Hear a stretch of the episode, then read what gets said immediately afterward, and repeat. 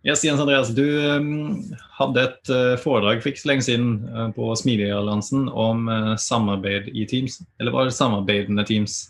Samar jeg kalte det naturlig samarbeid på jobb. Ja, ok.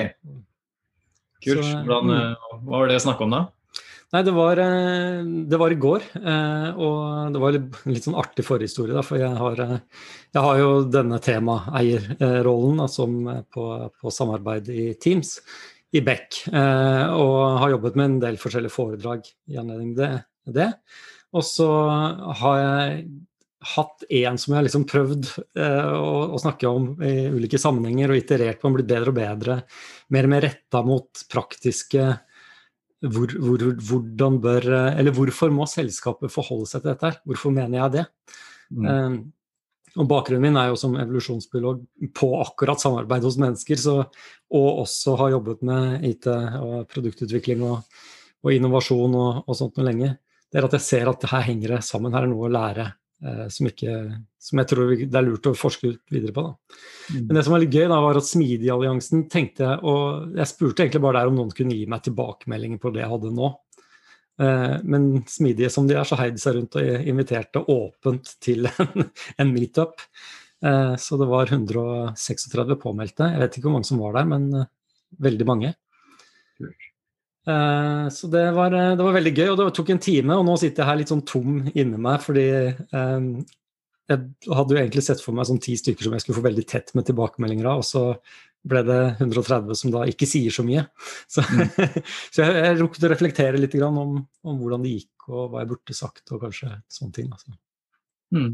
Men uh, før vi går inn på liksom, koblingen mellom samarbeid og uh, smidig, uh, du kalte det for naturlig samarbeid på jobb. Hva er unaturlig samarbeid? Ja, poenget mitt er, altså Jeg liker egentlig ikke å bruke ordet naturlig eller ikke, for det er sånn misforstått ord, men det, men det setter det litt på spissen. Da, fordi veldig ofte på jobb eh, og andre sammenhenger så blir vi liksom satt til å jobbe sammen om å gjøre noe. Eh, det jeg kaller naturlig samarbeid, det er egentlig for å vise at vi, er, vi har en del medfødte instinkter for samarbeid. Så mennesker er en av de få samarbeidende artene. Eh, og, og det, i dette foredraget her så, så viser jeg fram det med eksempler fra hva skjer når ingen bestemmer? Når vi bare finner sammen om å vil lage noe. da. Ta drypp, f.eks. Noen bare kommer på at shit, dette hadde vært kult å gjøre sammen. Og så, og så, er noen med fordi de ser at det hadde gitt verdi. Og så finner man ut av ting og hva som skal til, og hvem som gjør hva. Litt sånn av seg selv. da. Så det, det er det jeg kaller det naturlige samarbeidet. Den, ja, okay. eh, ja. Den organiske utviklingen av hvordan folk samhandler for å oppnå et eller annet? Ja, og e- egentlig litt sånn fokus på hvor kommer det fra, hvorfor har naturen skapt dette i oss, på en måte.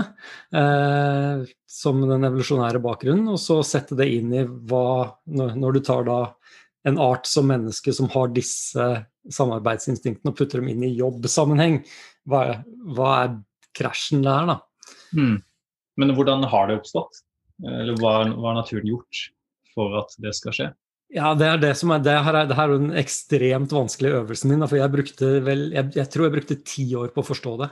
Eh, og som forsker på, på forskningsprosjekt, liksom.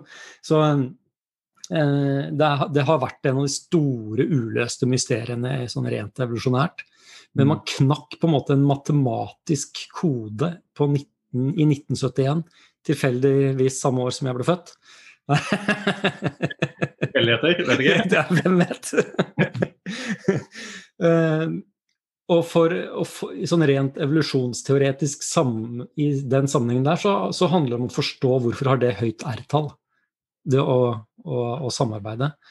Og, og, etter at man skjønte den, så begynte man selvfølgelig å se etter finner vi dette i naturen, tar det den formen som de matematiske modellene tilsier.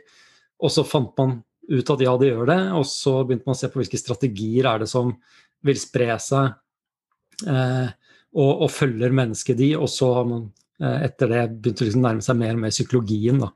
Hvordan funker det i hodet? Eh, hvordan gjør vi disse vurderingene eh, for, for, å kunne følge den og den strategien? Så, er, nå som vi på en måte snakker så mye om R-tall til daglig, hva er R-tallet for samarbeid? Altså R-tallet for samarbeid er i utgangspunktet elendig. For hvis du kan tenke deg, Det er det som er dilemmaet. Hvis du kan tenke deg en verden hvor, hvor ingen samarbeider. Den første som begynner å samarbeide, driver bare og waster masse ressurser uten å få noe igjen for det. Mm. Så det er en litt En del av løsningen er en litt sånn kritisk masse, og den, den den sier at det må være litt flere enn én som gjør det. Sannsynligvis er den kritiske massen oppstått fordi man lever i familiegrupper, og da, eh, da er det sånn at hvis jeg ofrer noe og du får noe for det, så har du også de samme oppskriftene i deg til å gjøre det. Mm. Fordi du er i min slekt, og dermed så har du de samme genene. Og dermed så er R-tallet høyere. Eh, høyt nok til at du har kommet opp i en sånn kritisk masse, og det kan begynne å lønne seg ordentlig å være blant de som faktisk driver og utveksler eh, tjenester overfor hverandre. Um, så det, det, er, det, er, det, er, to poeng som jeg, jeg, er veldig fornøyd med at jeg fikk fram i går. Det er to poeng ved verden som man er lett å glemme. Og Det ene er at det kan være sånn at noe har en kostnad for én person, uh, som har en gevinst for en annen person. Så kan det være sånn at kostnaden er mye lavere enn gevinsten for den andre. Så det er ikke et nullsumspill. Det er veldig veldig viktig og, altså En viktig forutsetning for, å, for, at samarbeid kan oppstå, er at verden har Det er ikke nødvendigvis nullsumspill i alt. Um, hva, du, kan, hva, mener du med det? Det kan være en høy, altså det kan være noe så enkelt som La oss si at, uh, la oss si at du er en halv meter høy, da, så er jeg to meter, og så rekker jeg opp til et eple. Så koster det meg x kalorier å hente det eplet til deg, og så får du veldig mye mer enn det. Mm. Eh, sånn at da er min kostnad lavere enn din gevinst.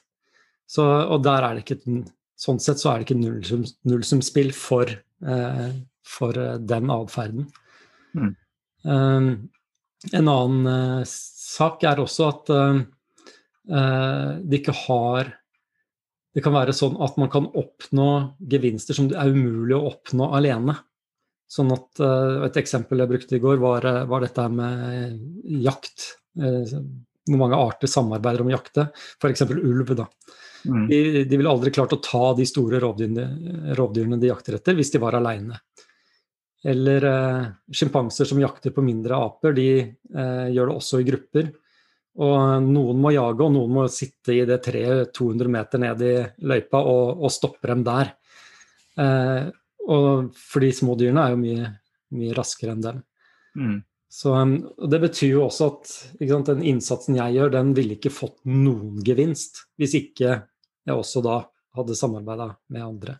Det er den der 1 pluss 1 equals 3-greia? Liksom, ja, summen, summen, er større enn innsatsen. da. Eh, mm. Eller utbyttet totalt er større enn innsatsen på, fra alle de enkelte. Og Det er bare et sånt trekk ved verden, en forutsetning som gjør at dette her kan faktisk blomstre opp. da. Og som er lett å glemme, glemme, hvis man tenker veldig fort på det. Det er interessant, fordi det minner meg om en, veldig, det er en veldig kjent essay som heter I Pencil, som yes. vi har lest fra han Elliot, JC Elliot, et eller, annet, et eller annet sånt, som beskriver at ingen i hele verden kan lage en blyant hvis du sporer hele måte, verdikjeden som skal til for å liksom, hogge ned et tre for å lage måte, eh, treverket rundt blyet. Uh, og lage bly, blyet som egentlig er kull. Måte, hvordan du skal få det ut av bakken. For å lage materialene og lage liksom, verktøyene for å få det ut og raffinere det osv. Ingen som har kunnskapen for å lage en blyant i hele verden. Det må mm. samarbeide på tvers. Nå er det veldig mye mer måte, kontroversiell bak hvorfor han skrev det. Han var liksom ekstrem kapitalist og, liksom, og glemte av hele, alt det med veier og sånt. Men teorien i det er ganske lik, da. Ja, men det er, noe, det er noe der, og det er noe med uh, Akkurat det er faktisk veldig Nå, nå, sporer jeg litt av, men det er faktisk et hett tema da, blant evolusjonsbiologer nå for tida. Det, og, og, evolusjonsantropologer er eh, det man kaller kumulativ kultur. Eh, og når oppsto det? Eh, og, og, sannsynligvis en av de få altså en, en, av de tingene som kjennetegner mennesket helt unikt. da. Eh, at vi har en så sterk tilbøyelighet til å, å bygge på det som allerede fins, og lære og, og videre. Og, og, da også dette, dette som oppstår når flere sam, Et sånt svært nettverk av samarbeidende eh, grupper eh, samhandler. Det er, det, er helt, det er, jo helt, sinnssykt, egentlig. Mm. Så, men, men, tilbake til det, det, det poenget hvordan det kan oppstå. Det, det, er da sånn at da, da, kan man regne ut at dette faktisk gir høyere, får høyere R-tall eh, og, og samarbeide. Men da som en strategi. Altså ikke sånn bare gjør det. Altså ikke alltid samarbeid blindt, mm. men gjør det betinget eh, av at du møter en annen som samarbeider med deg tilbake. Eh, du må oppdage hvis noen jukser. Eh, du må trekke deg vekk hvis du opplever det, hvis du blir utnytta. Osv. osv. Så plutselig så blir det en, en strategi da istedenfor en, en sånn gjør det eller ikke gjør det, binær sak. Hmm. Så, hvordan er det, hvordan er det kobla til smidig? da? Jo, det, jeg, det er det jeg syns er så spennende. fordi her, liksom, Plutselig så oppstår det her da en rent naturvitenskapelig, kjempeblomstrende fagfelt på menneskenaturen og et fokus på at mennesket er sånn og sånn og veldig si, eh, samarbeidene. Som står litt i kontrast med eh, andre måter å tenke på mennesker på. F.eks. dette homo economicus som et veldig rasjonelt eh, menneske som veldig rasjonelt. Eller, eh, eller, andre sånne modeller for, for, hvordan mennesker oppfører seg. Og så eh, har man samtidig denne smidig-bevegelsen. Eh, og den har Jeg tror det er første statementet i, i uh, Smidig-manifestet er mennesker og samhandling over prosesser og verktøy. Mm. Og det fokuset på Det å vri fokuset fra det liksom fra organisasjonen som, veld, som den store maskinen overfor menneskene i den, henger veldig tett sammen med det fokuset eh, på mennesket og, og kompleksiteten og, og, og, naturlig der. Og så er begge to en sånn For meg da begge, begge to er empirisk drevne. Sånn at man har oppdaget at det gir mer mening, og så jobber man med å finne ut hva som går, funker og ikke funker, og så er man, eh, lærer man underveis om hva som gir best resultat. Mm. Eh, så det er ikke sånn noen har skrevet en, det er ikke noe at en hellig mann har skrevet en bok, og sånn er det, eller at vi går rundt med eh, en eller annen teoretisk oppfatning, og så implementerer man bare det, men at man hele tiden oppdager hvordan er det faktisk mennesker eh, virker, og hva er det som faktisk virker i, i jobbsammenheng. Så for, Men, meg det, for, meg er dette to sånne parallelle bevegelser som, som, begge drifter inn mot mer Og begge argumenterer for mer fokus på mennesket i organisasjonen. Da. Men det er interessant, da, fordi hvordan fokuserer du på mennesker i en organisasjon uten å snakke om prosesser? Ja. er forskjellen der, sant? ja, ikke sant. Da, kan, sånn sett kan du si at uh, sant, smidig er også en prosess. Eh, jeg vil sagt Naturlig seleksjon er også en prosess. Det er bare ingen mm. som har lagd den, den bare oppstår. Så prosesser og mønstre mm, finnes jo. De vil jo oppstå av seg selv eller kan bestemmes. Så, så ja. Det er, litt, det er, litt, falsk dikotomi, den der, kanskje. Men jeg, jeg, jeg, tror, jeg tror, forskjellen, da, eller der, der det smidige manifestet første del sier noe om, det er at organisasjoner veldig ofte defineres da ut ifra eh, prosesser som, noen, som ledelsen har bestemt, eller, eller eieren har bestemt. Og det spinner tilbake til noe vi har snakket om tidligere, en, en måte å tenke på selskapet på som den store maskinen. Um, og tilbake igjen til er det Taylor han het. Mm. Og, og, og, og, eh, den industrielle revolusjonen, når man egentlig fant opp samlebåndene og alle disse tingene her, hvor, hvor prosessene for produksjon var veldig prosessstyrt. da. Eh, og menneskene var da bare tannhjul inn i det maskineriet. Eh, og så kommer da smidigrevolusjonen og, og, og, og digitaliseringsrevolusjonen og får veldig fokus på kunnskapsarbeiderne. Eh, fordi det gir bedre eh, resultat, fordi da får du mer ut av de menneskene som er der. Og så har du samtidig den her design thinking-revolusjonen som får fokus på mennesket som, skal, som kunden.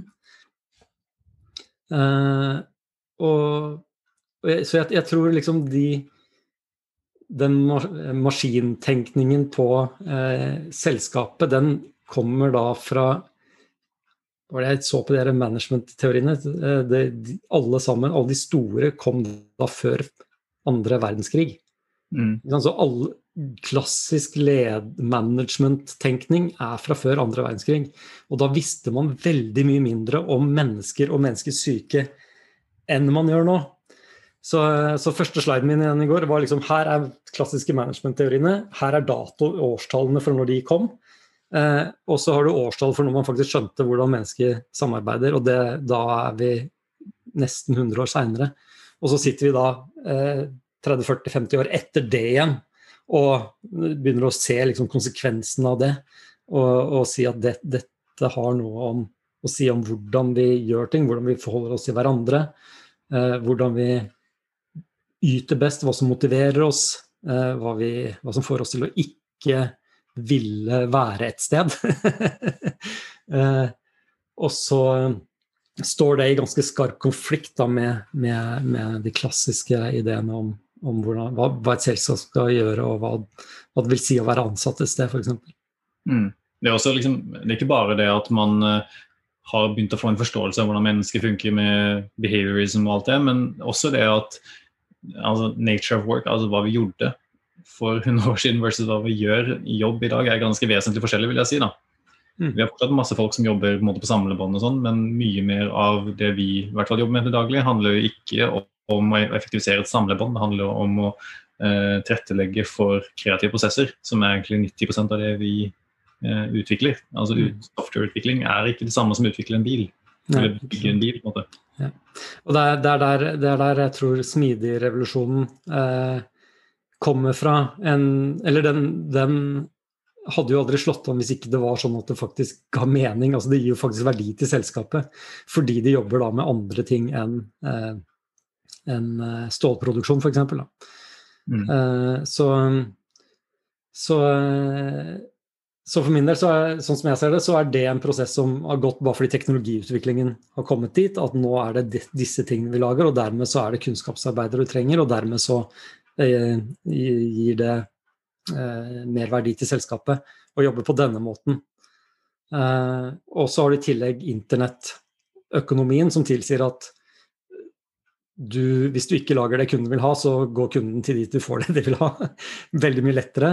Og dermed så må du også ta hensyn til mennesket eh, i andre enden.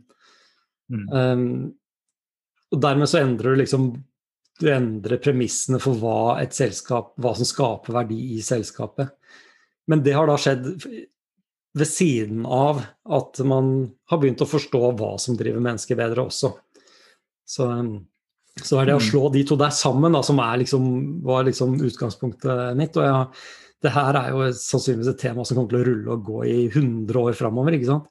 Eh, men allerede nå begynner man å se at her kommer det noe. Og, og eh, kanskje i hvert fall skissere opp disse temaene her, tror jeg kan bli endra av dette. Eh, det, der tror jeg ambisjonsnivået mitt ligger. det, det, er interessant. Det tror jeg vi bør ha en uh, ny episode om, er hvordan vi tar måte, den forståelsen her og implementerer det i virksomheter og i bedrifter. Vi tar det neste. Yes. Drypp er en lavterskelpodkast fra Beck, hvor vi diskuterer diverse temaer som interesserer oss. Og Hvis du har et tema som du har lyst til at vi skal snakke om, eller du vil være med på en innspilling, ta kontakt på drypp.beck.no.